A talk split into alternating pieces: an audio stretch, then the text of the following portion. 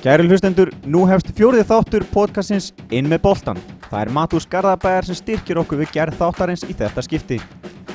Viðmældi þáttarins er drauma tengdásonur allra maður á Íslandi og óskapar þjóðarinnar, Alex Þór Haugsson. Og svo náttúrulega Alex, þessi, þessi ungi strákur sem hefur gjóðsannlega blómstrað þarna á miðjunni, hvernig er að, að spila með honum?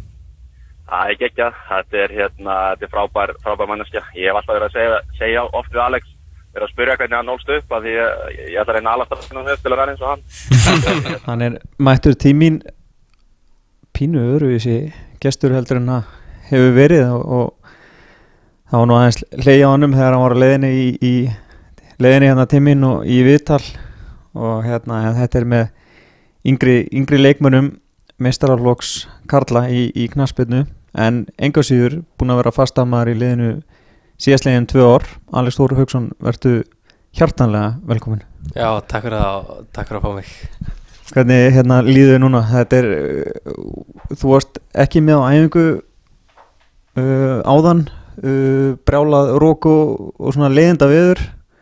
Hvernig er að hérna, vera komin frá, frá, að þið varst að koma frá Kína núna, hvernig er að koma aftur til Íslands og fara aftur á gerfugrassið og hérna byrja upp á, upp á nýtt? Það er ekki til betri byrjun en að fá kalda tusku andlitið og fara beint út að æfa í 30 metrum á sekundu og rigningu sko en ég er svo sem búin að vera að taka í rólega núna það er búin að vera mikið álag á mér og fekk ekki frí, mánaða frí eins og allir aðrir þar sem að voru auðvitað einsverkefni þannig að núna er ég svona aðeins að stjórna áleginu þannig að þess að í dag í svona kulda og vind þá er kannski bara fínt að vera inni og fara í pottin og svona Já, hafa þetta, þægilegt. Þér finnst ekkit gaman að spila í bósmótinu? ég, hef engan áhuga sko, það er ekki verið mig Þú vilt ekki vinna ferðaháttalaran? Nei, nei, nei, engan áhuga við erum, með samning við Samsung hvað sem er, hann við fáum ekki og eigan Já, já, ok, ok Herðu, ég, við ætlum að fara yfir svona þinn stutta feril myndi maður nú halda en, en þegar að ef, ef, við- byrjum að telja frá fyrsta meistarálsleik þá er þetta nú hérna, lengri feril heldur en hjá mörgum öðrum í, í meistarálsleikum ef maður svona pælir í því Já, ég hef með, ég hef með hvað, sex ára, sex ára mestralagsferil Já, já, ef við byrjum að telja frá fyrsta leik þannig að hérna Þannig að þú átt nú aðeins lengri fyrir heldur en, heldur en margir aðrir. Já, þó að verið langt á milli fyrsta og annars sko, en það er ekki spurt að því. Já, við erum ekkert að, ekkert að pæli því. En svo getur við líka alltaf svona að, hérna, aðeins ítt í, í, í svona Guðjón Orra eitthvað svona sem á að fá að, fá að meistarhúsleiki og sagt á fleiri en hann. Já, á ég, tjekka það því? Ég held, ég held það. Maður þetta var að gera það? Já. að þess að stríðunum það er svona kveikja hans á honum. En hérna, uh, ef við byrjum kannski bara uh, ég ætla nú ekki alveg að fara alveg uh, í æskuna en hérna, mér langar að vita svolítið frá hérna, þegar þú varst að koma frá Kína og þetta er náttúrulega aðeins öðruvísi land og aðeins öðruvísi kultúr. Hvernig, hérna ef þú lýsir svona aðeins fyrir mér svona hvernig, hvernig þetta var hann úti? Já, veist, þetta alltaf að byrja á 30 tíum feðarlega, ég veit ekki hvað og... en svo þegar maður að það var þetta mjög flott land sko, allt öðru sem menninga, búið upp á froska í matinn og ég veit ekki hvað og hvað sko, en það sem ég veist kannski hvað magnaðast var, hvað maður var eins og súpistjarnar þarna sko, maður, ég mann við mættum hann fyrsta daginn upp á hótel og ákveðum að kíkja hans í hvað var í kringum hótelið og sáum eitthvað mólarna og förum að lappin í mólunu allir strákarnir í í landsleisbúningnum allir eins klættir og allt í henni tökum eftir bara að fólk er að hópast af okkur og taka myndir af okkur og bara svona fylgja okkur og við eitthvað svona okkur fannst alveg gaman sko og menn voru að taka myndir og fýblast og svo þegar einna, við fórum inn í sagt, svona búðir í mólunni þá, einna, þá voru við svo miklu sjokki og það er afgræðstelpunar bara höndlu ekki að sjá okkur. Það er bara það er bara þurft að setjast niður og bara leiðnast í yfir þær og ég er ekki að grínast og við spurum um eitthvað og bara hlupaður um búðina bara svo ekkert merkilega að gerst sko. Þannig að það var mjög gaman að vera svona frægur í tíu dagar já, sko. já, já. Var- Varstu beðin um að skrifa áratun eða hvernig myndir eða eitthvað? já, já, maður tók nokkra myndir og skrifa nokkra eigin áratunir svo þegar fórum að, við fórum að horfa á Mexiko og Kína á, á vellinum og vellurinn, tó- vellurinn tók ég held að það væri 20.000 manns á vellinum svo í háluleik þá fóru eitthvað strákanir niður það sem að á, það sem áhörðinu voru sko og þá bara hópaðist allt í kringum okkur og við bara komumst ekki í burtu það ertu bara að koma örgismenn og ágrís bara þeir eru farin að kýla fólk sko af því að það ætla ekki burtu sko. Já, já, já. Og Hérna, en veist, er þetta svona land sem langar að fara með fjölskylduna núna eða, eða veist, er þetta bara svona geggju upplifun í tíu dag og veist, heru, ég, ég kem ekki hingað aftur? Jú, jú, maður var svo sem alveg til að koma hann aftur sko, ég verður þetta veginn að ég, mér finnst maturinn ekkert alveg fyrir mig sko, ég var, mætti eiginlega segja ég hef ekki verið sattur í tíu daga sko, en Nei. það var mjög gaman að skoða þetta og þetta er ótrúlega áhugavert sko, ég var til að fara til Shanghai prófa það eða Beijing í svona stórborg, sjá hvernig það er, við vorum alltaf þó að Chongqing hafi sér stórt, veist, það eru 30 miljónum manns þarna, það var þetta mjög dreift sko, við vorum Við vorum hérna í einhverju vansú héræði sem að búa kannski miljón manns, mjög afskekt og engin túrismi sko. En ég var alveg til í að prófa að fara til einhverja stórborgarna og sjá hvernig þetta er sko. Þetta er alveg ótrúlega flott sko. Hvernig er eins og í svona landsliðsverkefni að því að þú veist, þarna er ekkert undir þú veist, þarna er ekkert að, þú fattar hvað við, þú veist, þið er ekkert að fara að spila í undakefni eða, eða neitt hannig uh, kannski afslappara umhverju að þetta er pínu æfingarferð hvernig hver, hvernig hver er svona munurinn á undakefni EM þar sem er kannski bara tveir leikir spilaðir og, og síðan svona ferð? Munurinn er bara, veist, hvar þú finnur motivation í að spila leikina. Ef þú ert að spila undarkenni þá náttúrulega bara snýst allt um að sigra og, og komast áfram. En í svona, veist, eins og við vorum 23 rann úti þá erum við bara í æfingarferð þá er maður raunin bara að spila upp á sæti liðinu og maður bara er að sína sig fyrir þjálfarnum og þá kannski skiptir framistæðan meira máli heldur en beinlýs úrslitin. Þá viltu farin á völlin og sína hvað ég býr og veist, hjálpa liðinu auðvitað er maður að hjálpa liðinu að vinna en maður vil í, fyrst og fremst sko bara sjá að maður er heim í liðinu sko. Setið upp einhvern svona leik, stigaleik? Uh, hver hérna safnar þessu eða næra einhver, e, einhver setið upp í asiska draumin eða eitthvað svoleiðis? Nei, við hefum að gera það, það hefur verið stór skemmtilegt sko en það er kannski unnið mótið þá. Já, þá hefur við sennilega unni mótið sko. En já, en þið svona þið standið ykkur bara ágætlega myndur þú segja í, í þessu, þessu innan gæsalapa æfingamóti? Já, já, Hildir var framstæðanlega fín sko í, en góðum degi þá við getum unni öll þessi lið. Við vorum að mínum að þetta er alveg besta liðana sko. Og þótt að úrslitan hafa ekki alveg farið samkvæmt því, það voru tvei játtabli og eitt tap held ég við Mexíkó sko en það svo sem segir ekkert hvernig leikinir voru sko. Nei, nei, nei.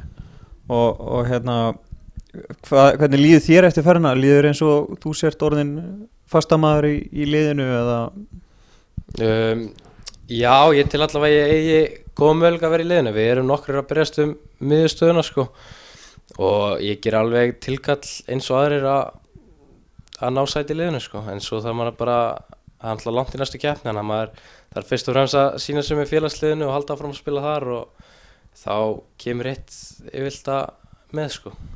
Þú ert að berjast þarna í, í sem þessu liði utudagins um við gæja sem að eru í atvinnum svona margir hverjir og búin að vera núna undanfærin ár. Þú veist, þetta eru gæja sem er að spila atvinnum hann bolta einhverju akademíu og einhverjur í, í bara aðalið hvernig, þú veist, finnst þér vera munur á þér uh, þá form eða eitthvað fótballtileg geta heldur en, heldur en þeir gæja sem að þú ert að að berjast um stöðuna við?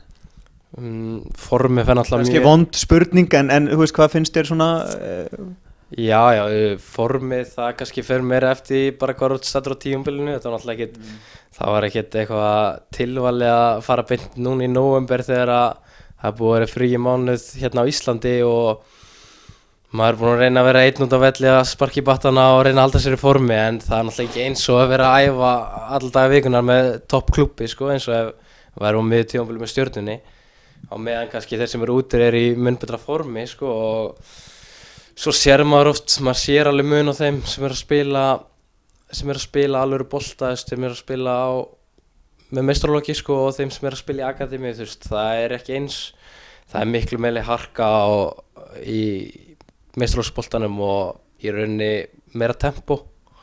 Þannig að já, já, það sést alveg munur sko, þótt að þeir sem eru í akademíum úti þeir eru í akademíum úti eru náttúrulega í mjög flottum akademíum sem eru með mikil gæði sko, en þá er það kannski aðalega líkamlega atgerfið sem að sem að sem er öðruvísi sko myndir, myndir þú segja að, þessi vombrið kannski að vera ekki komin út eða hvernig horfur á það? um, Ég klárlega hef alltaf stemt að því að komast út og, og bara reyna að komast þess langt og ég get með þennan fótbolla sko en alls ekki vombrið sko úr því ef ég horfið tilbaka sko þá var ég mjög sáttur af að náða að vinna mér í sæti í stjórninni og byrja að spila aðlisbolta á undan flest öllum í mínum árgangi og að vinna með sæti í liði sem er að spila um titla hverju einast ári á Íslandi spila í Evropakjötni þá sé ég ekki eftir en auðvitað í daginn þá vill maður kannski prófa prófa eitthvað annað og prófa að reyna sig að erfiðari móturja og þá liggur leiðin út sko. Uh, áður en við klárum hérna, við ætlum að klára Kína áður en við, við, ætlum að, við ætlum að fara yfir á Áltanis eftir, eftir smá. Uh, hérna uh, mér langar svolítið að vita hver, hver var herbilsfélagin hann úti? Um, Ég er alltaf með sama erbjusila núna. Kristór Ingi sem er búin að vera góð vinnu minn síðan við kynntum sem hérna þegar ég kom í stjórnuna og við erum alltaf saman sko og virkum mjög vel þótt hann getur verið erfiður stundum á kvöldin okay, hvernig þá? Það er, hann er svolítið gals í honum, hann var erfitt með að fara svo að snemma og þá þarf maður svolítið að taka í hann. Hvernig hérna, af því að hann, þetta er náttúrulega stjórnumæður og, og, og hver, það er svona örgulega gamma fyrir fólk sem þekkir hann kannski ekki og hefur ekki séð hann á vellinum. Hvernig, hvernig, hvernig fókbaltamaður er þetta og, og svo kannski fáum við aðeins hvernig villisingur er þetta? þetta er hérna, þetta er bara einn besti leikmar sem ég spila við að mínum mati, það er bara ef þú ert í vesin þá getur þú spila boltan um hann og hann getur komið sér úr einhverjum ótrúlega vandræðum bara upp á sitt einstæmi sko, hann er ótrúlega snöggur og áræðin og tæknískur, þannig að hann hefur í rauninni allt til brunns að bera til að ná langt sko, hann er ótrúlega góð leikmar sko sem að mun einn daginn koma aftur í bláa trey og gleðja garbaðinga Já, hvað heldur þú að þegar núna er hann út í Hollandi og hann er byrjað að spila og, og hérna er að standa sig vel uh, hvað heldur að hann geti náðu langt? Um, ég meina ég þekkja nú mjög vel og betur af flestir og ég veit alveg hvað hann er að leggja á sig sko veist.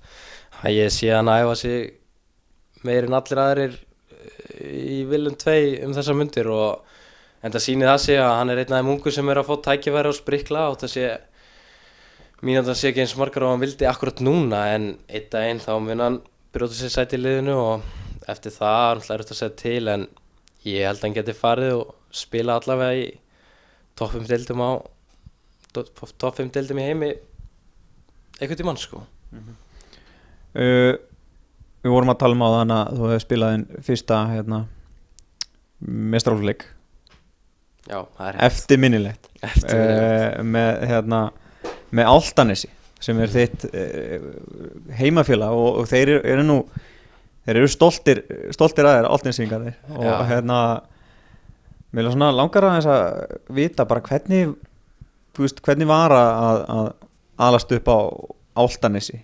bæði svona sem sem fótboltamaður og, og, og líka bara sem krakki. Bara æðislegt sko, ég man ekki eftir mér öðruvísi það er fótbolltöllu bæði út í karði hjá mér og svo er sparkvöllur þarna sem að ég bara eiti ángrís öllum mínum stundum sko, ég og besti vinnu minn vorum bara alltaf þar og svo á ég eldri bróður, ein ára eldri. Og við sem sagt, ég er í hverfi það sem eru fullt af fótbolltastrákum sko, þannig að við vorum og ég er ekki eins og að gríðast með það, við vorum út á velli bara þangur til klukkan slá 12 og miðandi og mamma kom að sækja okkur sko. og bara það var ótrúlega gott að vera þarna sko, veist.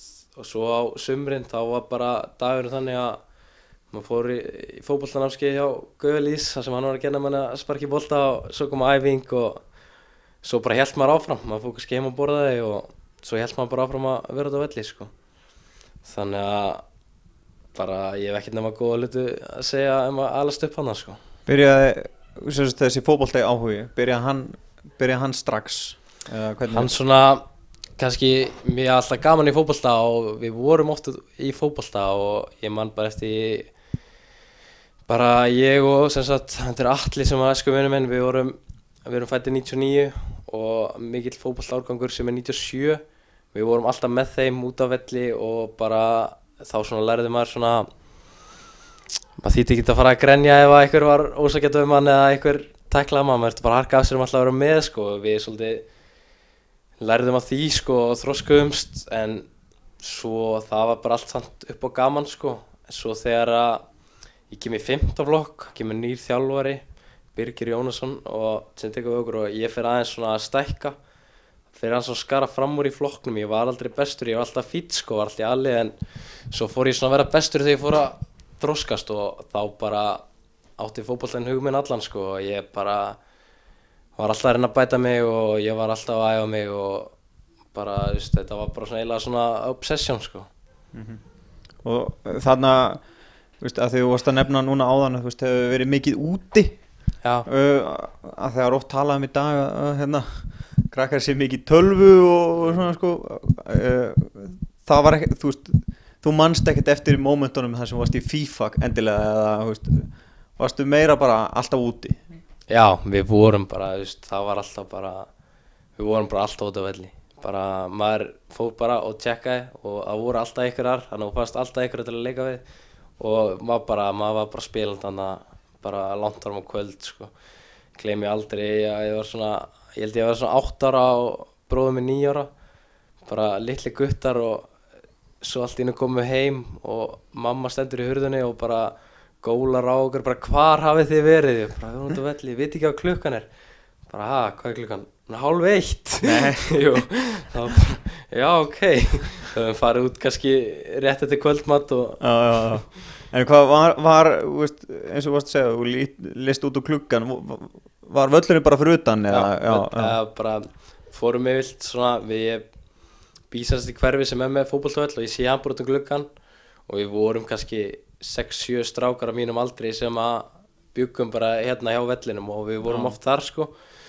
Og svo er sparkvellur líka rétt hjá sem að maður fór oft og þar voru strákar kannski úr öðrum úr öðrum götum skilur og Já. þá var kannski fleiri og meiri keppni og var, hvernig var að vera með veist, eldri bróður einu ára eldri Já, og og hvernig var, var, fannst þér það eitthvað að vera veist, vildur þú vera betur en hann eða veist, Já, breytti það, það var einhverju oft verið að geggja að vera með félagann sko. Geðveitt, við vorum, gátum alltaf verið saman í, í fótbolta eða handbolta eða hvað það var og það er oft, oft var verið að etja ykkur saman, veist, alltaf þegar við vorum hérna, fórum alltaf á sumrin hérna upp í, í á sveit á Barnaströnd og það eru oft svona frjálsjóttaleikar Mhm. og það kefti, við keftum bara í öllu, bara kringlukasti og sprettlöpum og alltaf sama keppnin og veist, maður, var alltaf að nutt, hann var alltaf eldri og stærri en hann vann yfir, yfirlega sko.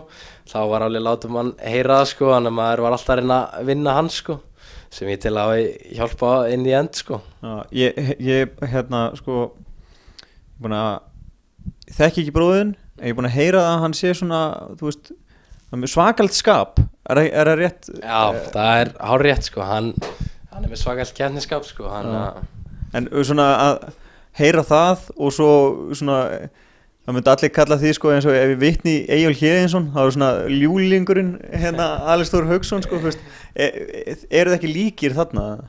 Nei, ekki beint sko veist, Við erum alltaf, við erum báðir mjög bara sléttir og ljúfir utavallar sko en inn á vellinum ef að mér gengur ekki illa eða verð pyrraður þá er ég kannski ekki að þá fer ég bara í það að reyna meira kannski á mig. En Pétur bróður minn aftur á móti hann, hann er alltaf búin að laga samt hell ekki í dag en þegar við vorum yngri þá kannski þá var hann kannski að tækla menn og kannski aðeins að láta að finna fyrir því sko. En sem náttúrulega nýttist við mjög í handbolta núna sko. Hann er náttúrulega í fulli handboltanum og komin í, hann var í undir 20 hóp núna um daginn og var að spila flesta leiki í júlistildinni hann að Já, hva- byrju, hvar er, hvar er hann að spila? Hann að spila í ír núna. Ok. Þetta gæti orðið svona eins og Aron Einar og, og, og bróður hans. Það stefnir allt í það. Já, hann, þeir getur verið báður í Já, landsliðinu ég hef ekki pælt í það, það er mjög gott. Já. Mjög gott menn Þetta er ekkert- þetta er ekkert ólíklegt að, að hérna, þannig laga Nei, nei, það er alveg að sjá þetta fyrir sér sko. Ekki spurning. Ok, en hérna uh, að því þú nefndir Áltanis uh, það er oft svona þannig að þú ert úr kópóinum að þá veist, æfur annarkvort bara fótbolta eða kvörubolta eða þú veist, þú ert úr hérna, hefur úr fórsvæðinum að þá æfur annarkvort handbolta eða fótbolta og, og svo framvegis. Uh, en þú ert í Áltanesi æfur þá allt? Já, það er svolítið þannig, ef það er eitthvað búið þá þá prófra sko, ég hef æft blag, frjálsar tennis, handbolta, fótbolta ég hef mætt á körfuboltaæðingar og allar þessar deildir eru bara í veist, það er bara allt í bóði eða? sko ekki lengur en á veist, þetta komað svona tímabil veist, fyrst var ég alltaf verið alltaf í fótboltanum sko. Svo tók ég eitthvað tvö ári þar sem ég var í blaki líka. Svo komi frjálsar í eitt vetur þá var maður að fulla í því líka með svo kom þetta, það var þetta stutt gaman. Og svo fór ég svo fór ég hérna, hvenar hefur það verið? Í 15 flokki eða 54 þá var ég í handbolta. Þá var ég í handbolta í háká. Þannig að maður var alltaf verið að æfa nokkrar íþróttir í einu sko. Já. Hvernig var þetta eins og þeir voru að fara á ennit mótið og, uh, allt þetta? Uh, að því að veist, Áltanes eru nú ekki kannski í lið sem er í adild eða svo framvegis. Voru spilað alltaf sem alið á ennit mótinu og sjálfmótinu og ég fór sko, ég fór þrísvar á ennið móti einu sinni var keppið fyrir mig. Og þá vorum við bara í bílum Já. og svo yngra ári þá vorum við þá vorum við líka í bílum sko. En fyrsta, fyrsta sinn sem Altanes gefti aliðum það var þegar minn árgangur sem er svona gull árgangur Altanes vil ég meina þá, einna, Já, ok, þá vorum við þá spilum við aliðum sko. 99 já. Já. og svo Já, ég var þjálfur á þessu móti Já, með fjölnislið aha. Já. já ok, ég heldur við ekki spila við á samt. Við vorum að rifja upp á hann að hafi við komum inn á það kannski síðar Já. með vítaspinna En hérna, já, ok þannig að hérna þannig að þið, þú varst í hörku árgangi og þú veist það voru alveg góðu spilarar er, er einhverjur fleiri sem að veist, eru að spila í dag sem að voru úr þessum árgangi Nei, það er það hefur svolítið flosna upp úr þessu sko. við, þegar við vorum mjög góður árgangur sko, eins og í 15 lokki þá hérna, hefur við gott rekord. K.R. sem vann allt og vann alla við spilum tvisar við á hérna, það var á ólísmótinu og unnum á 2-1 í fyrirleiknum og svo 1-1 í setnileikunum og allt svolítið stjúla sko. Bjúkust ekkert við því ált en sketi neitt sko. Þannig að við höfum alltaf geta spila og móta okkur við öll bestu liðin sko en svo núna eftir að við fórum í 11 mannfólta þá var þetta svolítið erfitt að því vorum svo fáir sko Mhm. þó þá fórum við í stjörnuna og það bara hendaði ekki öllum sko og Mhm. það hefur svolítið flosnað upp úr þessu síðan þá sko en einn leikmaður sem var hérna með okkur hann hérna Trista Freyr, hann er nú hérna komin í Já, meistarlokku já. Altanisar og markaðistur öðruflokki í sumar hann að ok þetta hefur verið þetta var mjög sko- árgangur sko. já, já. En hérna, síðan er það þú færð uh, sko eftir átt nú kannski ekkert meistralúsferil hjá Altanesi en, en þú átt hennan eina leik Já, og já, þú ert ennþá yngsti leikmaður í, í hérna dildakefni á Íslandi. Já, er það staðar? þú átt, þú átt metið. Já, mjög stoltur af því sko. já, og hérna hvað, þú ert 12 ára? Já, held ég að verið 12 að, að verða 13 Já, hvernig, þú veist hvernig kom þetta upp? Eða þú veist, þetta er, þetta er ekkert svona þetta gerist ekkert á hverjundi Nei, þetta var gjössalega gali sko, ég man bara þá var ég hérna ég var að keppa sagt í fjórðarflokki á móti blíkum eitthvað hérna fyrir utan fífuna og eftir leikinn þá sé ég bara hérna Sigga Brynjóls man ekki hvort hann að vera aðstofþjólar leysist þá eða bara eða leikmaður og hann sagði bara við mig þetta koma með sér og hann frá æfingu með mestralokk og ég aldrei eftir mestralokk áður og Var hann eitthvað tengdur fjórðalokki eða? Hann hafði þjálfað mig eitthvað í 15 laki og hann þekkti mörgulega best þarna þannig að hann var örgulega látin sækja mig sko. Og ég fer þarna á æfingu og svo mann ég hvort að leikur hann daginn eftir eða hann var hann skömmu setna sko. Og þá var ég búður í hans sko.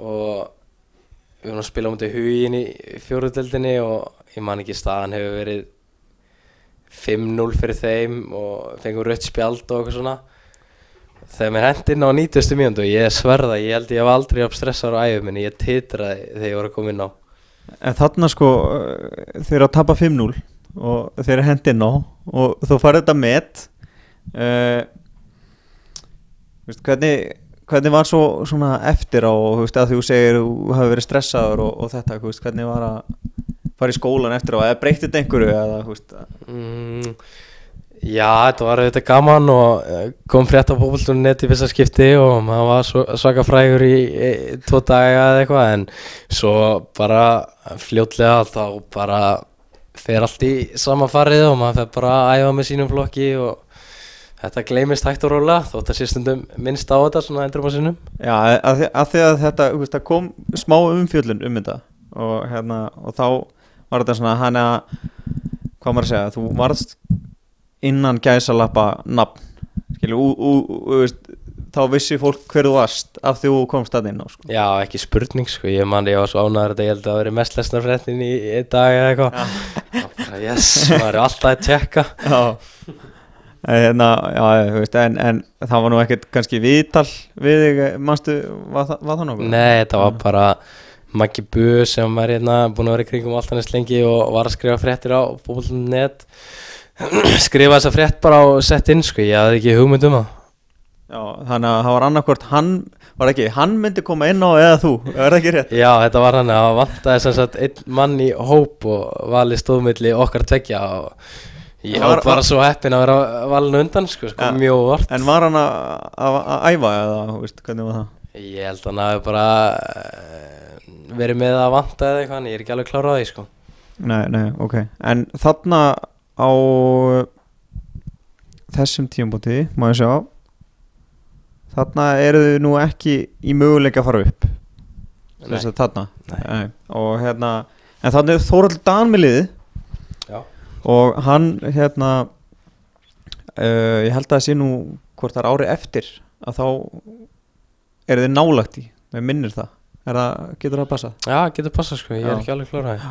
En síðan hérna fara þær upp uh, hvort það er 2014 þá er held ég Siggi já, 2014, já. já, þá er Siggi með, komið með liðið sko hann tekur við af, af, af Tóta Fara tvölið ósigur, neða á þess að tapa í gegnum sumari 2014, stjarnan og altanis.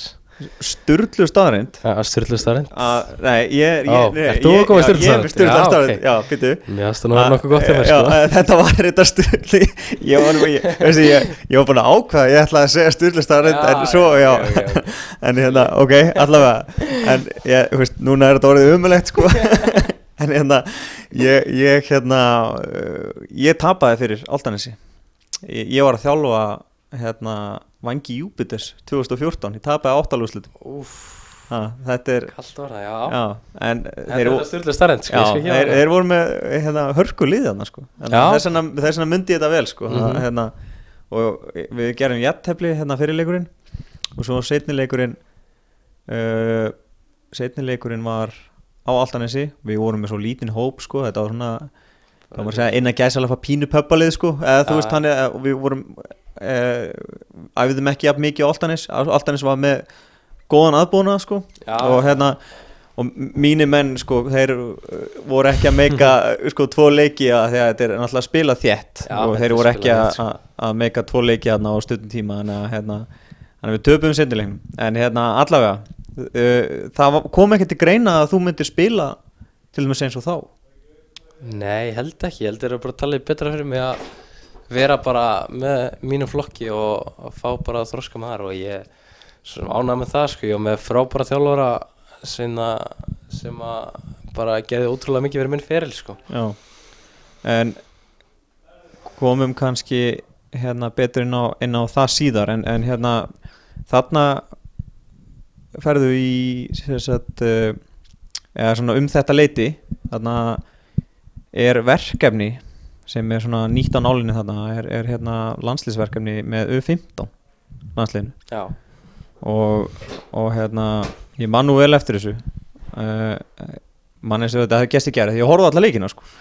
Og hérna en þetta þið fóru þarna og, og uh, við vorum nú eitthvað þetta upp á hann þetta var þess að þetta eru olimpíuleikar æskunar það er eitt lið úr hverju, hérna, hverju heimsálfu sem að fer og, og Ísland kemst áfram gegnum fjagralega riðil af því að það eru, sagt, eru há, háttvísi já, sagt, já, bara, hvað var það, fjölöndir sem voru hvað áttísust eða hvernig maður segja hérna, fengi að fara í svona crossbill Já. upp á það að komast á leikana og við unnum Finnland í undrunnslutum og. Unnum síðan Moldavi í úrslutum og síðan hérna farið og þarna ferð þú til Kína eða ekki? Jú, þetta er fiskir sem get, ekki ná að síðan að fara aftur hvernig var að fara sko 15 ára með, hvað hva voruð margir? 18? Já, átjón leikmann Já, og þið farið þarna nóga vitleysingum sko þarna í Já, þessum já, já, hópi.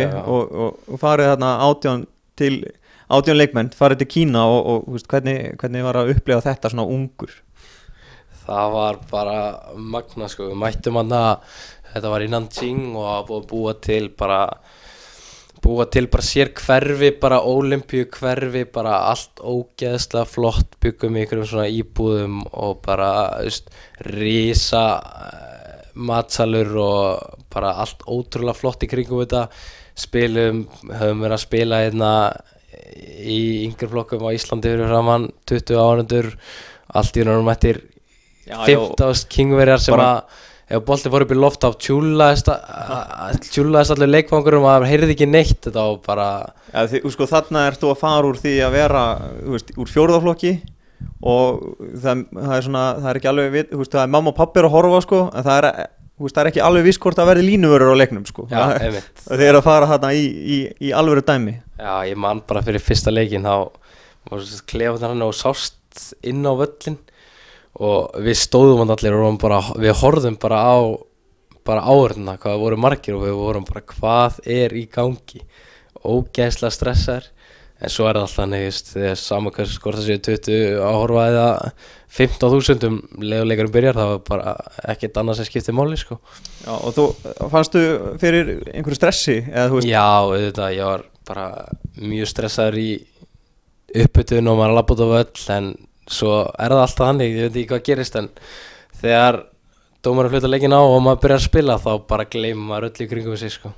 Og þið eru þannig hörku, hörku árgangur sem eru þannig hérna saman 99 árgangurinn. Og hérna uh, farið, farið nokkuð langt. Eða þess að þið farið upp, upp úr reylinum og farið í undanúslitt og þar tekum við Suðu Kórea mm. hvernig hérna manstu, eða þú veist ef þú getur rifið að þannig eitthvað upp Já, við, við höfum hérna okkur gekk mjög vel í já, já, við komumst upp úr reilunum og við vorum að spila undrarúsleik hvað var það, Suðkóru og við vorum hérna, þetta var mjög skemmt, eða, mjög skemmtilega leikur að spila sko, þetta var, við spilum frábælega áttum ótrúlega góðan leik og skorum í 1-0 og erum búin að halda allan leikinn bara, þeir hafa ekki séns að vera að að skora og svo allt henni fáður er bara pínu lítið eftir og, og skora beint í vító og Já, fara, að farið beint í vít og já, það fyrir beint í vító og við hérna og bara upp á að komast í úrslitin bara svakalt vító, bara allt undir og við hérna við byrjum, byrjum að taka viti og Kolbitt sem er búinn að vera í landsliðinu er núna í að Brentford hann byrjar að taka viti og skorar og við allir trillist á fögnu og svo er dæmt ógild, ógild. Og þá vorum við allir bara oh my god, hvað er í gangi? Og hann klikkar og þeir skora og svo koma mér ég á að taka næstu viti og ég man ég var aldrei, aldrei á stressar á æfi minni. Ég bara, ég, eina sem ég hugsaði var bara hitta markið, hitta markið, hitta markið. Svo hljóp ég á boltanum rúla honum laflaust í hotnið, fór þó í hotnið markmaður greip hann og ég bara nei, er þetta grínast. Já. þá voru við konið 2-0 og svo kom Torfi vinnu minn og klikkaði líka og við klikkaði þreymur í röð. Skaut hann ekki það? Jú, ég, gott ef ekki, ég er samt ekki alveg kláraði og þá svo sem var þetta eiginlega búið sko Já. sem var mjög svekkjandi sko, ég við hefðum átt að komast áfram. Já, þetta, ég, ég man reyndar eftir, eða þú veist, já, því ég horfði á, horfði á hérna, ég man alltaf ég horfði á vítaspunni og ég hérna, sko, að því ég þekki hennan árgang vel, að því ég þjálfaði hérna fjölni og, og einmitt torfa. Og hérna, og þá man ég eftir því sko að ég var svo vonast eftir því að Þorfi myndi ekki taka víti sko. Að því að hann, hann hérna hafði klúrað úslita vítin á ennetmótinu sko. Og hérna og þá myndi skauta nákvæmleins framhjá. En, en hérna svo en ég sá fyrsta taka það var, það var náttúrulega kolbinn og, og hérna og þá hugsaði maður einmitt öruglega eins og, eins og þið öruglega allir bara herru hann er pottit að vara að skora. Vist, þetta var svona örugasta vítaskitna bara í liðinu. Ekki spurning. En svo einmitt að lendi svona að þurfa að taka aftur það er bara, veist, það er ekki hægt að leggja á menn sko. Nei, það var bara allt í kerfi sko. En hvernig, eftir, eftir þetta mót svo farið heim og, og hérna þú klúra víti. Er það, situr það eitthvað í þér Nei, í rauninni ekki, ég var alltaf ótrúlega sár eftir leikinni og bara hvað var ég að gera? En svo bara leikit með en mér aðst þetta bara svo skemmtileg upplifun og að ég svona pælti heil aldrei í því og ég hef ekkert verið að svekkja máði síðan sko. var eitthvað, en var eitthvað moment eftir mótið sem að þú hugsaðir herru, ég ætla, ég ætla að gera þetta og mér langar að spila aftur fyrir þú veist, 20.000 manns eða meira og, og, og, og, og gera þetta almjölega Ekki spurning, það var bara strax plani sko, veist, þegar þú ert búin að spila í svona stemningu sko, þá vilt ekki gera neitt annað sko. Nei. Ég, að því ég hugsa stundum út í að hérna, að því að núna hafa stráka frá Altanissi verið að koma í stjórnuna og maður sér þetta eru pínu öðruvísi veist, nú ætlum ég ekki að taka neitt af veist, ég er ekkert að hérna, segja garbaðingar séu eitthvað hérna, verri eitthvað veist, en, en altnesingarnir eru aðeins öðruvísi svona, það er eitthvað öðruvísi við þeirra hugafar uh, og ekkert bet, miklu betra eða eitthvað, eitthvað verra eða eitthvað en þeir eru bara, það er eitthvað öðruvísi svona hugafar bara herru, þú Veist, þetta er svona meiri svona sveita hugafar, eða fattur þú hvað að fara? Já, já, 100% ég skil alveg hvort að fara með það Já, já, veist, bara ég, ég, ég, ég veit ekki hvort ég er að útskýra þetta nógu vel en það er eitthvað aðeins öðruvísu hugafar í, í hérna áltnæsingunum og veist, getur þú útskýrt það eitthvað? Já, ég er ennfla ég veit ekki alveg hvað hann kemur sko hvort að sé bara að maður sé að fara úr litlu liði yfir í stort lið og þarf að sanna sig að ég veit ekki hvað en ég veit alveg hvort að tala um það er svona aðeins öðruvísi mentality yfir þessum sem koma einn yfir frá Altanissi sko. mm -hmm. Myndur þú segja veist sko að því að ef ég á að lýsa þessu sko inn á vellinum mm. þá veist, minnst þetta ekkert öðruvísi minnst þetta ekkert öðruvísi personur eða veist, kilur þið maður, maður kynist veist, ég get ekki sagt, já herru þetta er allsneðsingur, ég mynd aldrei geta en af því Nei, ég veit það, þá, þá er ég svona já herru, það er nú eitthvað líkt með þessum tömur sko, að, hérna, þá tengi ég þetta sko en það er ekkert, þú veist, ég hitt ekkert í hérna áltnesingu, ég er bara, herjá, þetta er áltnesingur eða þetta er garbaðingur, þú veist, það er ekkert tannig það er, mér finnst það aðalega kannski inn á vellinum, mm. það er svona uh, það er svona þessi vinnusemi, þú veist, það er, það er þetta svona að, að hérna að þú veist, þeir einhvern veginn farið eftir hverjum einasta bolta þótt þessi aldrei að fara að ná þessu bolta, sko. Það er einhvern veginn, það er eitthvað þannig, sko. Já, það er eitthvað sem enginn okkur sko. það er eitthvað svona það er eitthvað svona dugnaður og, og vinnusemi sem hefur verið alveg upp í okkur. Já, en svo, svo er hérna annað. Ég, að því að, að því að þegar maður kemur hérna uh, nú kom ég það ár sem að þú byrjar að spila og þá fer maður svona uh, maður kemur út á völl og það er svona oftar en ekki þá ert þú út á velli að æfa þig.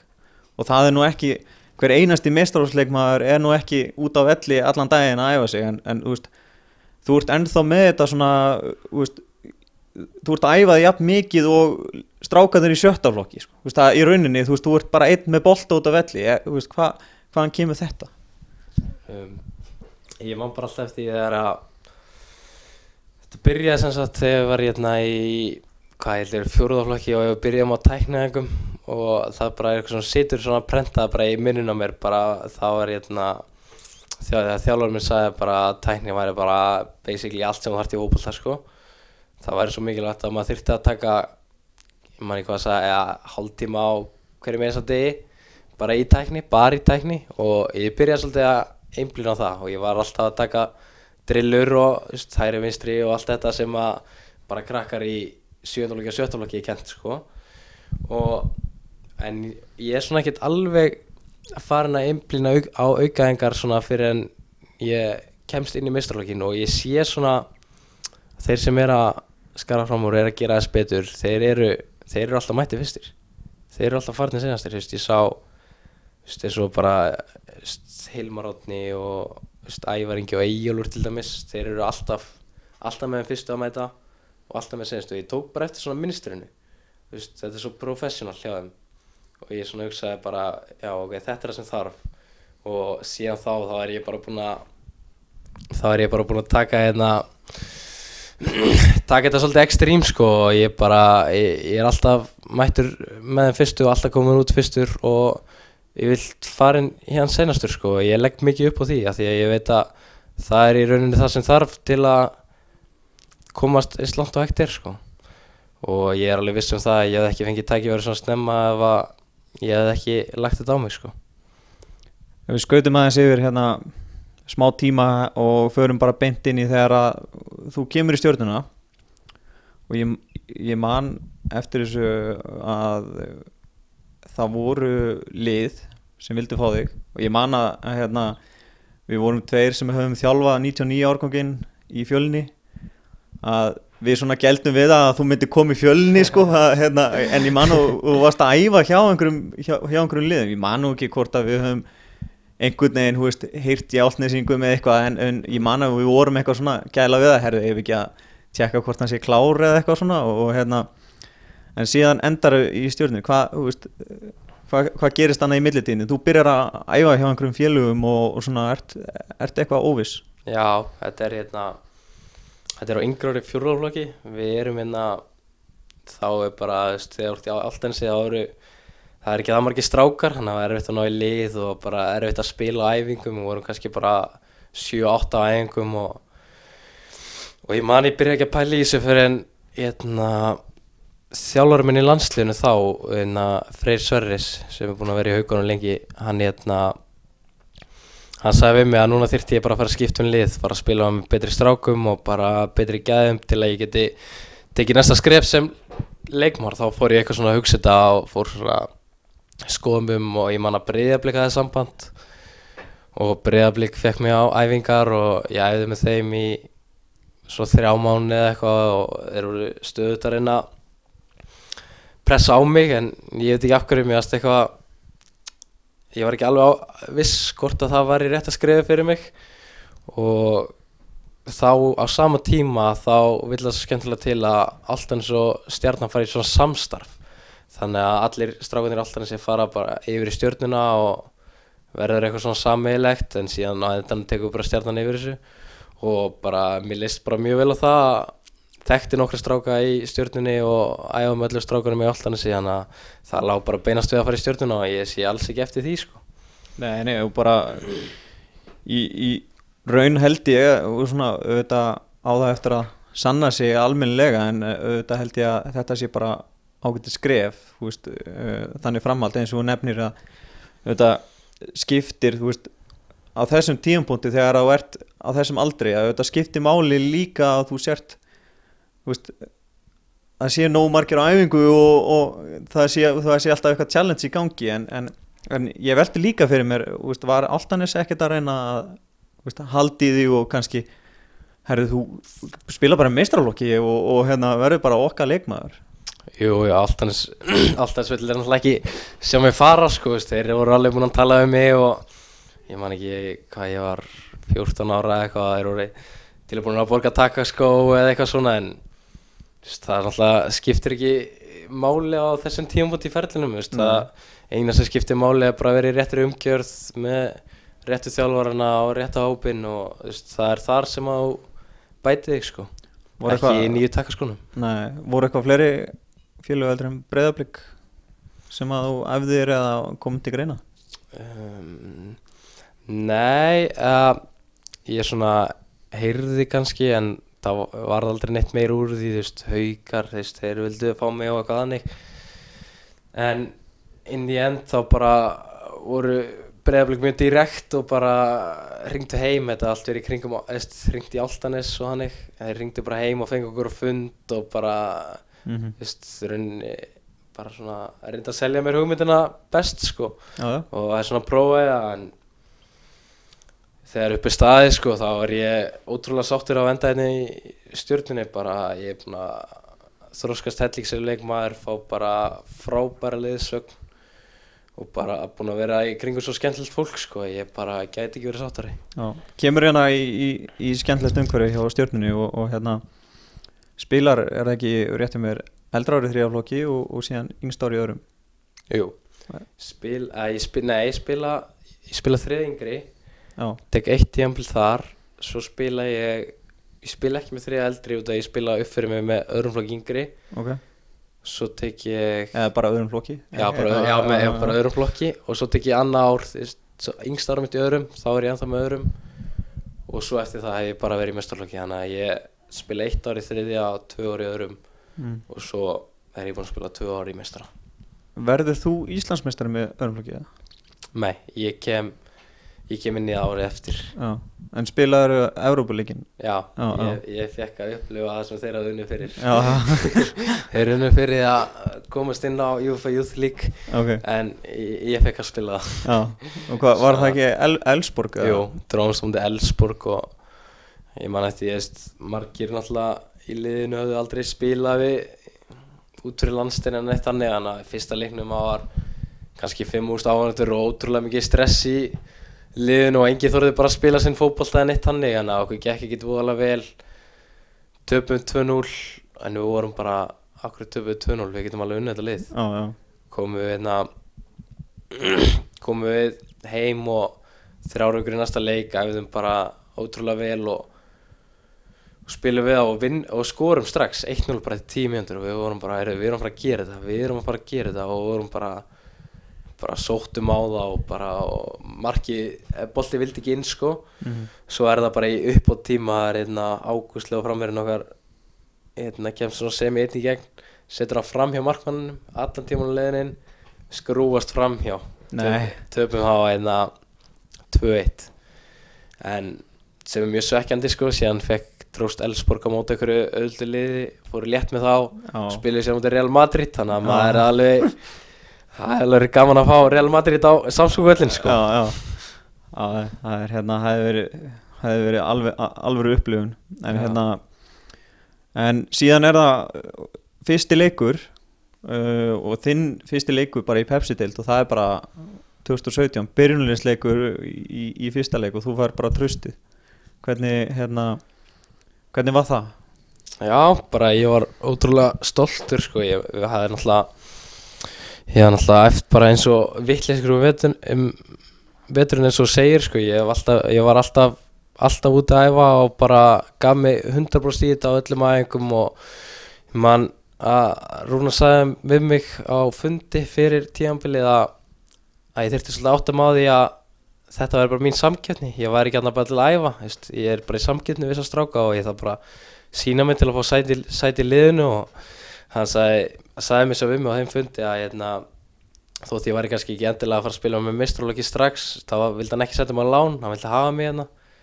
Eins og það var meira pælingin sko, ég var ekki alveg hugsaður í hugsaður að fá eitthvað spiltíma yfir sumari sko, en svo bara tók ég veturum bara með trompi og byrjaði bara að spila vel í leikjánum og undirbúinisleikjánum og er sá bara, eins og Rúna sagði mig að liði, liði funkaraði bara betur þegar ég var inn á sá, og síðan kom bara fyrsti leikur ég mann við vorum að æfa út á Altanesi út að, já, út að var hérna tímóti í gangi eða eitthvað. Og hann stillir upp byrjunlegin og ég var í því og ég var bara í sjokki ég var bara leiti í kringum mig bara, herru, Eyjó hérna, Baldur hérna Gauði frammi, ég bara shit, þetta var að gerast. Og ég man, ég kom bara heim og engin heim og ég bara, ég man, ég ringdi í mömmu og pappa og bara, ég er að fara að spila morgun, ég er að fara að spila morgun. Bara geði þetta ánæður og svo bara, ég held að engin dagur liði að lengja að líða verið að lengja að líða og dag, dagur sem leikurinn var. Leikur okkur átta í grindæk og maður beð, beð þeima frá nýju morgunum bara hvenar er leikurinn, hvenar er leikurinn? En já, svo bara svo kom leikurinn og ég var svo smá stressaður svona. En svo eins og ég er búinn að segja einna bara um leið og leikurinn flautar á þá er þetta bara leikur eins og hver annar. Alveg skort þetta sé í bósmótunni í kórnum eða, eða Pepsi-deldinni á Grindavíkuvelli mm. þetta er bara fótbolti og ég var alveg búinn að spila með þessum strákum áður.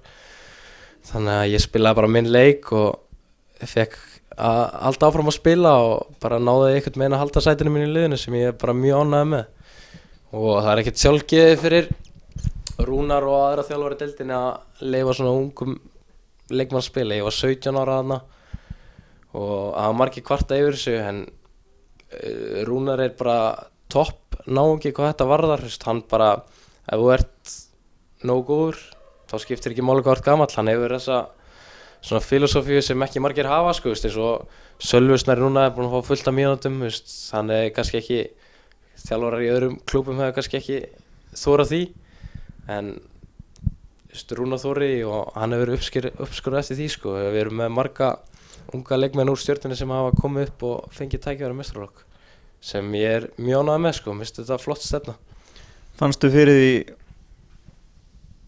á tímubölinu að þú væri með tröstið eða fannst þér að vera alltaf í einhverju samkeppni þannig að þú þurftir að sanna þig á, á hverja öng Já, þú veist, fyrstu fyrstu leikina þá var ég alltaf bara ok, núna kannski skiptir það mér út.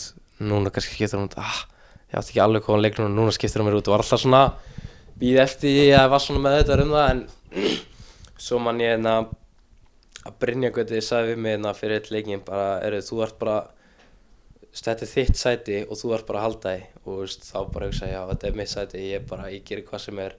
Þannig að þetta laði ég mig 100% fram í alla ræðingar og alla leiki en saman tíma vissi ég svolítið að vissi ég svolítið að ég væri með tröst frá Rúnari sko sem var auðvitað gott að hafa. Mm -hmm. En hérna tíumbilið er svona pínu skrítið uh, að mörguleiti þú veist, þið byrjið ágætlega og síðan kemur þarna eins og margir hafa rætt um júlíkabli og hérna sem gerist nú ekki ekki í ár. Uh, en hafið þið gerst árið áður fannstu fyrir eitthvað svona einhver svona kurri í hópnum eða eitthvað svona, herru, þú veist strákar við ætlum ekki að láta þetta gerast aftur eða eitthvað þannig? Nei, sko, það er mjög erfitt að lýsa sko en við byrjum þetta já. Við byrjum þetta nokkuð vel sko og vorum manni hvort sem er efstir ég held við höfum verið efstir. Og svo komum við bara hræðilegur já, júlikabli fjóri leikir við neðri lit deildunar sem við erum bara að tapa bara á okkur um auðlaskap sko og, og ég veit ekki hvað er en þá kannski það datt kemur svona tími að sem að menn voru kannski bara 90% í staðan fyrir 100 og þú mótti ekki slaga á. Það er bara ekki búið ef þú ert ekki 100% þá tapar það leiknum. Það er bara þannig í þessari deild sko. og við kynntumst því svolítið á svolítið á svolítið slæman hátta því að við duttum allt innu niður ég man ekki nokkur sæti og duttum aðeins frá toppakkanum sem við náðum að vinna okkur aftur inn í. En lögum sér miklu áherslu á því að á, á það yfir veturinn núna fyrir þetta tíumbil að við meðum ekki við einhverju svona kabla á næsta tíumbil ef við ætlum að vinna eitthvað. Og en það síndi það sig að við döluðum ekkert eftir því sem leið á tíumbili sko. Síðan hérna ertu í lók tíumbils, ertu bara valinn efnilegastur í deildinni, hvernig hérna var það ekki smá ekobúst? Jú, ekki, eða ekki spurning, það var alveg gott fyrir sjálfströtti en ég er svo sem ekkert eitthvað ég myndi segja ég væri nú alveg svona óvær sko, ég, ég var auðvitað bara ánægð með það sko en ég var miklu meira að hugsa út í það við hefum geta gert miklu betur í leikjanum og unni deildina eða komist í úslitin í byggarunum sem var náttúrulega bara liðilt okkur alveg að gera ekki sko. Þannig ég var miklu meira að pæli því en þetta er góð viðkynning bara fyrir sumar í heilsinni að, að ykkur sjáu að maður sé að spila vel sko. Þannig að ég var alveg ánæg með það. Ég hérna það er svona eftirminnlegt fyrir mér að, að hérna, eftir tíumbila þá er eitthvað myndband uh, það er eitthvað svona log, logos myndband og hérna og þar hérna, þar er gert er þú tekin fyrir sko og hérna tekin svona skets um þig og, hérna hvað, þú veist hvað hva voru menn að leika þarna? Veist, ef, Já, var fyrir þá sem er ekki búin að sjá þetta. Það var mjög gott Hilmar Átni og með stórleik í áramönda eða áramöndaskapi, logoskapi stjórnunar þetta er hérna Danni og Jói og Hilmar hafa verið að sjá mynda og ég var sagt tekinn fyrir einu sketsnum það hérna var hérna, ég var ég er alltaf mikill peppari og erum alltaf reyna að draga menn með mér og bæði gott sé á æfingum með ekstra annar staðar, þá var ég alltaf að rúsa og geða til í allt sko. Og þeim fannst ég svolítið að tilengja mér orðið hérna geggjað. Það var svolítið, þeim fannst það svolítið um mitt orð þannig að, að þeir tóku svona upp nokkur atrið þegar að einhver voru á klósettinu eða eitthvað þá kom ég yfir, yfir hurðina. Geggjaður, geggjaður. Hvort ég var í hvort einhver var í sturtunni geggjað geggjað maður. En eh, var mjög fyndið og hlóð allir í salnum og þetta var góðu skett sko. Já, en já, þú veist, var þetta rétt? Ég meina kannski ítt þetta er þetta ég var ekkert að hoppa yfir klósett eitthvað að segja að menn voru geggjaðir en að menn voru að spila vel á æfingum þá var leiðið duglegur að segja þeim og segja Já. að maður var geggjaðir og þannig sko, þannig að þetta var alveg rauk að styðjast sko. Já, en þú veist, ertu svona ef myndur lýsa þér að þú ert svona glaðlindur bara, þú veist í, í lífinu líka já, ekki spurning sko. ég er allir sem að þekki mig veist, ég held að, og ef ég kynist einhverju nýjum þá fæ ég alltaf sömu setninguna hvað, þú er bara alltaf brosandi. Já, hættir aldrei að brosa, veist, hvernig er það? Ég veit svona hérna svona kynnti, kynnti mér þetta aðeins hérna að það er ein- einn nema, ein nemandi hérna uh, einn stelpa sem var með þér í Bekki Vestló. Já, og hún var að tala um það sko að þú þú væri bara alltaf hress. Og hún var að tala um það sko meira þess að þegar þau voru í prófum og þá voru svona stelpunar, það voru búin að vera að læra lengi framöttir og kom miklaðar í prófið og eitthvað en, en þú varst alltaf brosandi, klár mættir í prófið og, og til í þetta sko Já, ekki spurning sko. Ég hef bara Ég hef alltaf verið svona Ég hef alltaf verið bara veist, Alltaf verið brosandi og til í allt og skemmtilegur og bara svona gefa mér og bara veist, bara, já, eins og allir segja við mig bara, veist, hvernig, akkur þetta alltaf brosandi Já. Hvað er málið með það? En er þetta eitthvað svona sem þú pælir í? Er þetta eitthvað Nei, svona bara- lífsmotto sem að þú bara Nei, þetta er bara hvernig ég er sko, veist Ég, Já, er bara, ég er bara svona eh, léttur yfir leitt sko Já, varstu svona sem krakki líka bara, Já, ég held það sko, veist, ég var alltaf alltaf djókandi og mamma sagði oft við mig bara ég hætti aldrei að tala og ég var alltaf eitthvað að djóka veist, þannig að ég hef alltaf bara verið svona sko. Já, já En, þú veist, fyrir þá sem þekkja ekki er- ertu þá að koma líka með brandara og svona, eða hvernig? Já, veist, kannski stundum brandara en yfirlega bara hress sko. Já, já, bara brosandi og Já. bara, þú veist hefur gaman að þessu og bara Já, ánæður bara- með að vera lífi bara, Já, bara Herru, já, geggjað. Geggjað maður, geggjað, geggjað. Herru, síðan er það hérna næsta tíðinbil og hérna það er núna fyrir tíðinbil 2018 og, og hérna þá er eitthvað sem þú ert búin að vera valin efnilegastur og það er mjög auðvelt að vera ungur og fara hátt upp. Uh, veist, va, varstu mótiveraður bara og, og því langa að gera enn betur? Sko hérna, þegar ég var alveg nefnilegastur þá man ég að kom síðan lið tíumfælisins á saman tíma. Og það kom eitthvað svona bílið og ég var sérstætt í því og ég man ég hugsaði bara umlega að ok, næsta tíumfæli þá er ég bara að vera í þessu lið og þá vann ég að því og það gerðist ekki því miður en eins og fyrir núna fyrir þetta tíumfæl þá held ég að ég hafi sennilega aldrei að móti veraður fyrir eitt sísón af því að bara komast ógeðslega nált í og bara vorum auðlarlokkin að klára ekki Íslandsmeistra titilinn og unnum byggaramestra titilinn og ég fann hversu gaman það var. Það var bara eitt æðislegt kvöld sko eftirminnilegt. Og núna bara þyrsti mig í meira þannig að núna þú veist eins og núna undannar æfingar bara er ég búinn að vera er ég mættur enn fyrr og ég er farin enn setna bara og ég er stuðut að stjárlega með um það hvað ég þarf að bæta og ég er að hugsa um það og ég vil vera leikmaður ég er mjög góður uh, varnar leikmaður veist, venda vördina vel og góður í að vinna boltan og núna er ég að hugsa um svona aðeins að aðeins að svona breyka minn leikstil sko. Ég er að hugsa út í það bæði ég er búinn að vera að vinna í því síðustu tvö ár svona awareness, vita hvað er í kringum mig geta að spila fram á þið uh, og núna er ég sem sagt að vinna í því að taka skrefið að geta ógnað aðeins meira kannski ef ég sé pláss að keirja, senda, fá hann aftur í þrý, þrýningarspil, veist, fá sendingar inn fyrir og bara svona vera aðeins, aðeins meiri um, bjóða upp aðeins meira fyrir okkur sóknarlega.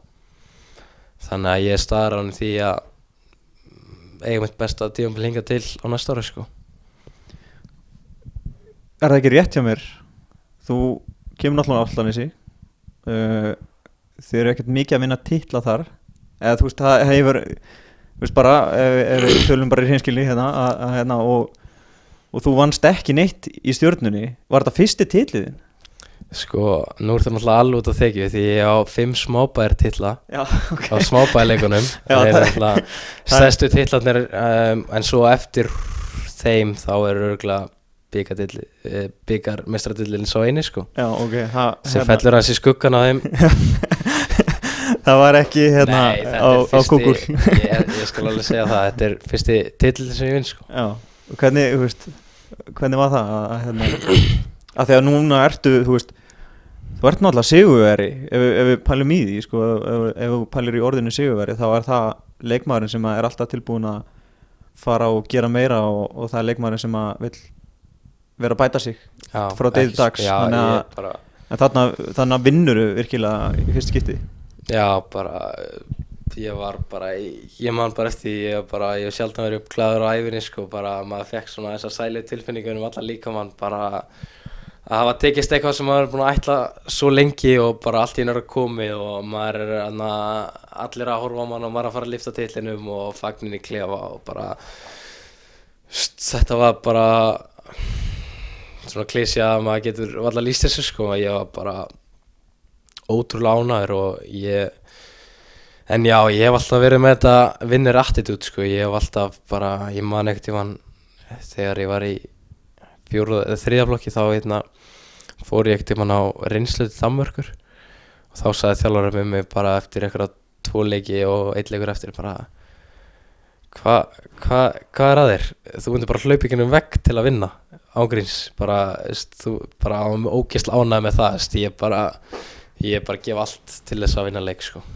Hvernig hefur verið, eins og þú ert að demna þarna með reynslu, hefur einu sinni farið út? um, Nei, ég fór fyrst til Norvits og það gekk alveg vel sko, þeir vildu fá mig aftur á okkar að eða aftur til sín eitthvað sko hans meira og eitthvað svona og ég hef ekki áhuga á því þessi fótboll tentaði mér ekki þetta var þetta var ekki besti staðar fyrir miðjumann að þroskast sko, lítið spil í gegnum miðjuna og ekki réttar áherslur sko og ég held ég myndi ekki fungera hana.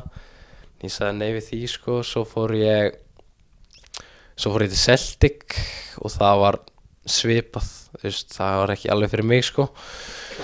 Og svo fer ég aðna það ég búið að fara til Bröndby í Danmarku sem er alltaf mjög stór klúpur í Danmarku og ógislega flottur og þar gengum við bara super vel bara fittin í hópin bara eignaðist góða vini okkur gengur vel, fóru okkar mótu unnum það, unnum það og bara allt gekk ótrúlega vel. Fá mig aftur á mun stærra mót og það var þannig að ég, ég og Markmann vorum það góðu vinnir að hann, hann, ég átti að gista hóteli en hann sagði bara neina, þú ert bara að fara að gista heima á mér. Vist, ég var það góðu vinnir bara. Og mér leist ógislega vel á það sko. Og ég spila á já, tókum rútu til Eitthvað. Og spilum á mjög stóru móti með fullt af flottum liðum og ég held við lendi í öðru eða þriða sæti, gekk bara mjög vel og, og aftur bara gekk mér vel sko og þjálfarinn fílaði mig bótt sko.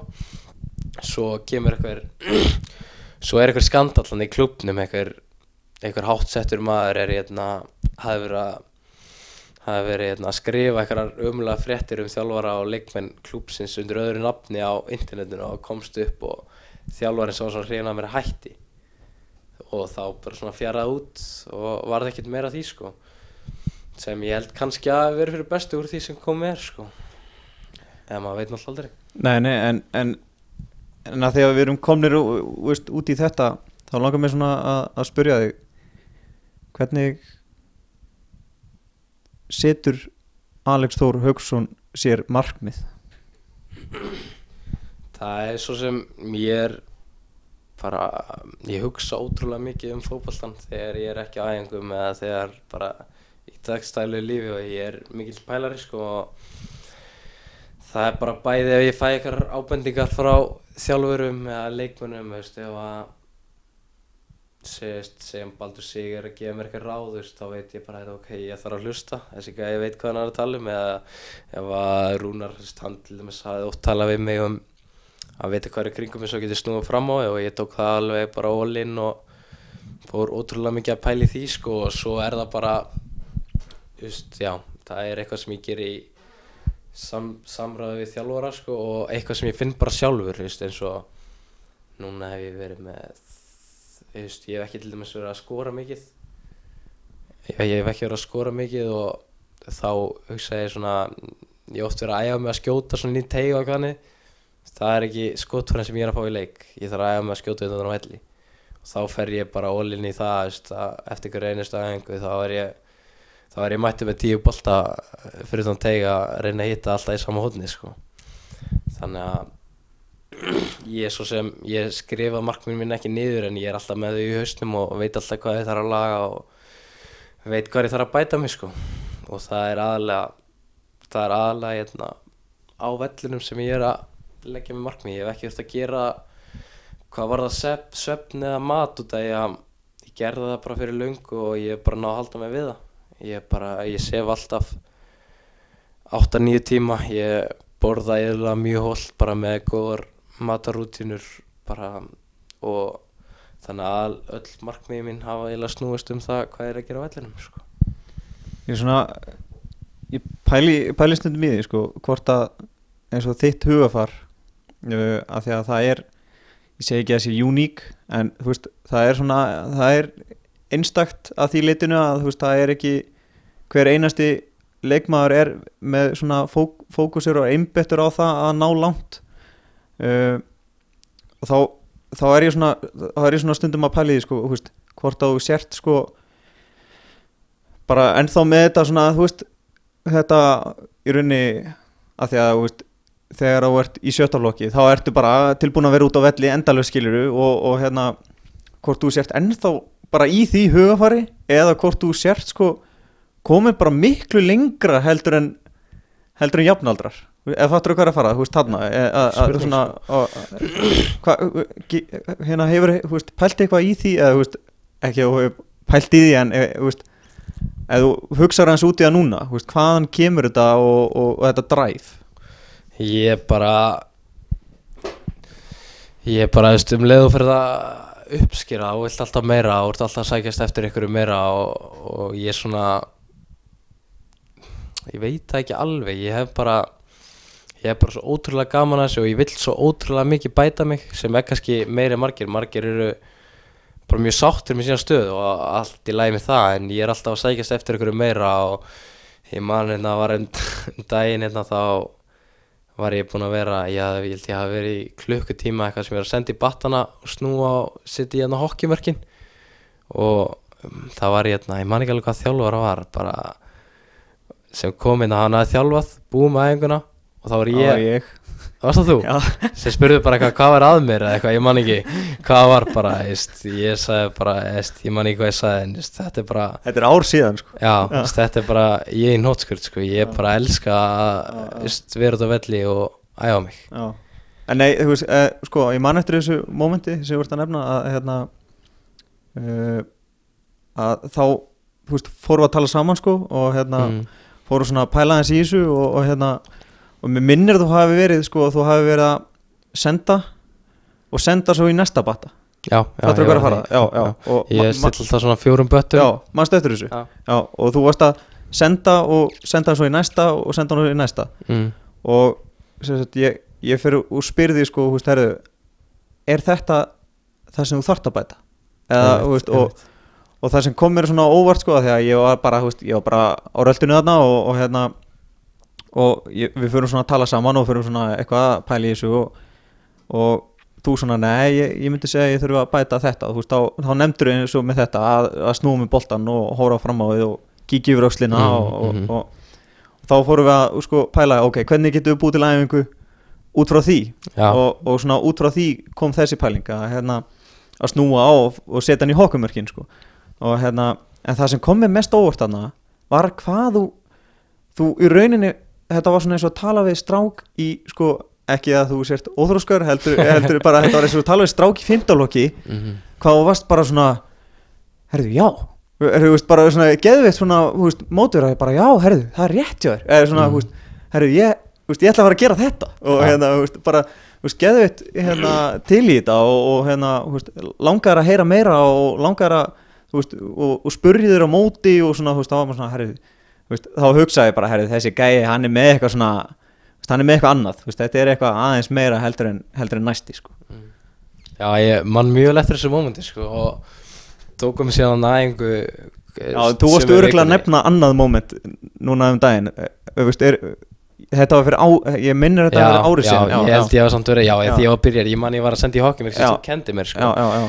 Já, ég man samt eftir ég tókum síðan að æfingu í sömu viku eða eitthvað þegar við tókum- komum spáður já, og, og síndi mér eitthvað nokkrar útfæslur sem ég gæti eftir mig og síðan bara næstu mánuðina þá bara fyrir einhvern einu stæðingu þá var ég að þessu veist, Já, og já. þetta er ekki spurning hjálpa mér sko, þú veist, þetta er einmitt það sem ég er að vinna í að bæta í dag sko, að því ég er búin að snúa búin að sjá, ok, ég get snúið, ok ég get kyrt líka, ég get líka farað þessum boltan, fá mann í mig, opna svæði og það er einmitt það er einmitt það sem ég er að vinna í núna það sem að Mhm. þú kost með sko Þetta er svona eh, að því að, að því að það er ekki ef þú pælir í því að það er ekki allir svona, eh, sem eru svona opnir fyrir því að, Nei, að, að hérna veist, það, það, það er smá svona að því að veist það er smá svona kannski stolt að, veist að, vera ekki, besservisirinn að, svona, herru, ég, ég get bættið með þekkingu og eins og þú varst að nefna með baldur á þann að, að, að vera að hlusta og, veist, var þetta eitthvað svona hefur þetta verið eitthvað svona hugafar sem að hefur sem að, sem að hefur þú hefur ákveðið að tilenga þér Já, ekki spurning sko ég, ég veit alveg að ég er ekki fullkonni fótlalengmaður og yfirlega veist, þegar að þjálfarar eða leikminni kringum er að benda mér eitthvað þá, er, þá veit ég alveg að það er pottit eitthvað til í skiluru og af hverju þá að vera eitthvað að halda maður sér og góðu fyrir lífi og bara eitthvað að svara tilbaka eða láta þá heyra það eða hverju ekki bara taka þetta til þín og læra þessu og verða ennþá betri sko. Þannig að ég er meiri í því sko. Ég vil freka bara þá bara ef ykkur segir mér að ég þurfi kannski að loka betur eða stættar að búin að kíkja eða ætti að klára svona þess, þá hlusta ég bara og reyna að gera það sko. Leitaru í hérna myndur þú segja að þú leitir í hérna svona eldri leikmenn og, og Já, í, í spjallið ja. Já, ekki spurning sko. Það eru svona kannski þrjár aðal fyrirmyndir í stjörnunni. Það er just Hilmar Átni sem ég er mjög oft úti með og hann hefur verið að kenna mig mikið. Hann er alltaf mjög flottur sóknulega sem ég vil vera. Just, ef ég geti haft sóknulegu tilbúrin hans ég myndi alveg taka því sko og hann hefur verið að kenna mér hvernig hann skýtur til dæmis núna, just, hvernig hann veist best að skjóta. Og og svo veist, náttúrulega leita ég mikið til Eyjó. Eyjó náttúrulega bara veist, toppmaður, svo létt að koma til að sé spjall alltaf tilbúin að tala við, gefa feedback. Bara, og allt það sko og svo er náttúrulega Baldur líka. Veist, ég hef alveg farið til hans og spurt bara veist, veist, hvernig hvað ert að pæla? Úr til svona litlu svæði veist, hvernig, hvernig finnst þér það svo þægilegt veist, hann er svo yfir þegar eru kannski þrýr menn í honum og bara magna, ég held að ekki sé maður er alltaf sé gæðan taka feilsendingu sko, veist, þannig ég hef verið að spurja hann bara hvað hann er að veist, og hvernig hann er að gera hlutina bara svo að ég geti tilengna mér það. þannig að það ég held sé mikilvægt fyrir svona ung fólk skilur að finna sér fyrirmyndir og líti upp til veist, til að bæta sjálft sig sko. hvernig ja, hérna ef við horfir á svona næsta núna næsta sísón og og væntanlega eitthvað veist, í undir meðundunni eins og þú varst að nefna með að vera í liði ásins og, og skipta máli og, en horfir mikið í það núna að þið langa að prófa að vera Íslandsmeistari? Ekki spurning sko við hefum stemt að þessu þau tvö ár sem ég verið hérna og þau lendi í hvað öðru og þriðja sæti en alltaf verið í pakkanum að berjast um þetta en svona alltaf það er einhvern veginn alltaf okkur að kenna okkur við klárum þetta ekki. Það er, það er ekki að því að allavega að telja að mínum að það sé ekki að því að eitthvað liði sé bara betri við heldur er það því að við erum að klúður þessu í einhverjum ákveðnum momentum sem við erum ekki að gera því að við erum með mentality bara hugafæri í liðinu að það er bara stert að þetta á bara ekki að gerast. Og þegar maður er búinn að vera allavega ég og aðri leikmenn hafa unnið að sem mun lengur sko. En þá er maður alltaf bara ok, núna verður þetta að koma við verðum bara að gefa ennþá meir í þetta þannig að það er alltaf, við erum alltaf með það í hausnum að við ætlum að gera betur en á senast ári og vera bestir sko. Uh, nú fyrir að svona líðindi lók hjá okkur með langar að spyrja þið tvær spurningar í, í, í viðbót. Uh, fyrir spurningin er ertu með einhver svona langtíma markmið? Uh, hvenar þú ætlar þér út og, og hversu langt þið langar að, fara sem fótboltamæður Mjög góð spurning sko. Um, eh, Fyrst þá bara Það var hérna sagt við mig en að ég hef náttúrulega verið alltaf með fremstu fremstur meðal jafninga í mínum árgangi sko og þá er oft verið sagt með mig að séu tvær leiðir sem sagt að fara út. Það er annarkvort að fara ungur út í akademíu sem er mjög erfitt og brjóta sér þannig lið sem að geðveitt og narði en líka nú ekki líka nú ekki með því því miður sko. Eða þá að komast inn í mistralsport á Íslandi og leita þaðan út í beint í aðalið og vinna sér staðan upp eðna, klífa þaðan upp stegan sko.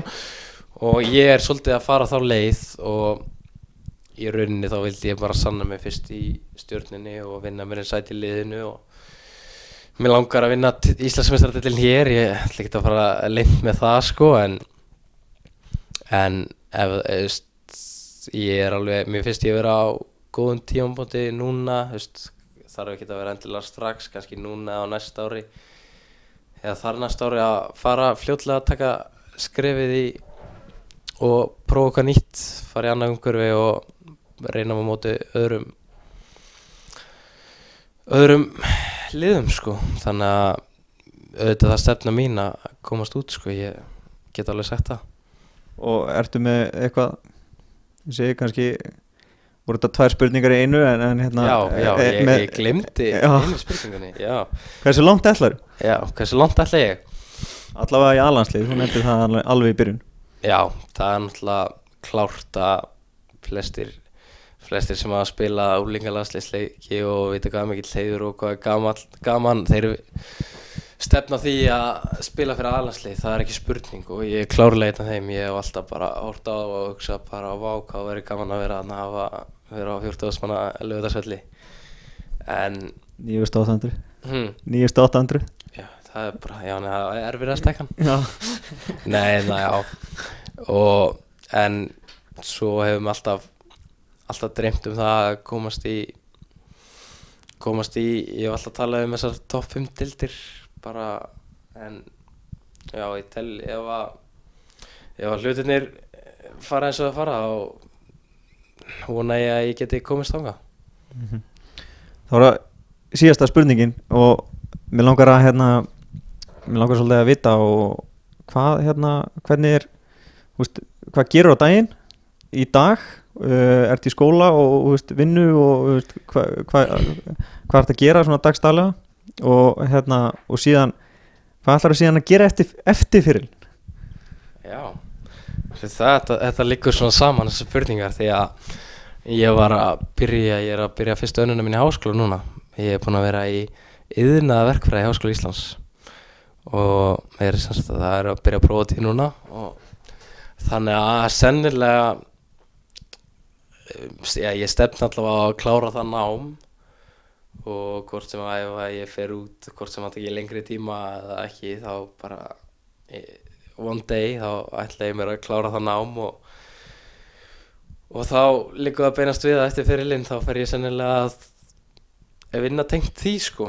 En ég ég held ég væri til í hérna, ég væri til í að taka það sem svona já, ég væri til í að vinna bara tengt því Alex Þór Haugsson gríðalega skemmtilegt að fá þig og hérna ég vona innilega að þú munir komast í aðtunumösku og vinna Íslandsmeistæði til næsta sumar. Takk það, takk fá mig